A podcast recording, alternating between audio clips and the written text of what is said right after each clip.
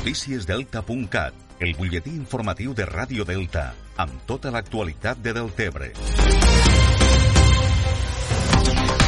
El moviment Campanya pels Sediments, constituïda ara com a Associació Sediments, no valora positivament cap dels dos plans presentats fins ara per a aturar la regressió al Delta de l'Ebre, ni el de la taula de consens, ni tampoc el del Ministeri. Consideren que no s'hi tracta amb suficient profunditat el rescat de sediments. Escoltem Josep Juan, portaveu de l'Associació Sediments que facin anàlisis, una batimetria a Mequinensa i una riba roja, que analitzen la composició dels sediments. Molt bé, això ja fa molt de temps que ho estem dient. El que no entenem és per què no ho han fet fins ara, no?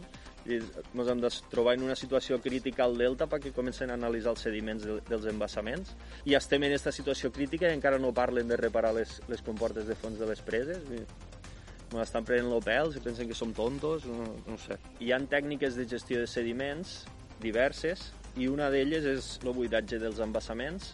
La nova associació reclama que tota l'acció s'hauria de focalitzar en reparar els desaigües dels fons dels embassaments de Miquinensa, Ribarroja i Flix per tal d'afavorir el trasllat de sediments. És més, es plantegen fins i tot denunciar les companyies hidroelèctriques pel que consideren una gestió negligent de les preses de les Terres de l'Ebre, ja que poden posar en perill les poblacions aigües avall del riu per a buidar-lo només ho pots fer pels desaigües de fons. Quan lo buides, el mateix corrent del riu el que fa és arrossegar aigua i sediments, no?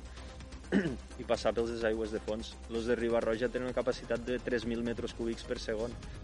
Tindre els mecanismes en bon estat és una qüestió de seguretat, perquè si una, una presa té una inestabilitat, l'has de buidar per treure la pressió de l'aigua. Eh, tu imagina't que hi ha una inestabilitat a Mequinensa o a Riba-roja s'haurien de, de buidar els dos embassaments per a, per, a, per a eliminar el perill, no? perquè el problema és que si es trenca i està, i està carregat d'aigua, allò baixarà en trompa. Vale? Imagina't el volum d'aigua que hi ha allà dalt baixant en trompa. S'emporta tots els pobles que hi ha al costat del riu. Eh? La campanya dels sediments ha dit que presentarà una sol·licitud d'informació a la Confederació Hidrogràfica de l'Ebre i a la Direcció General de l'Aigua sobre l'estat dels pantans, també els títols de concessió a Endesa, i diuen que si no reben la informació que demanen, procediran a realitzar la denúncia. Això és tot el que us expliquem per ara. Ja saben que poden continuar informats, com sempre, a través del portal deltacat.cat.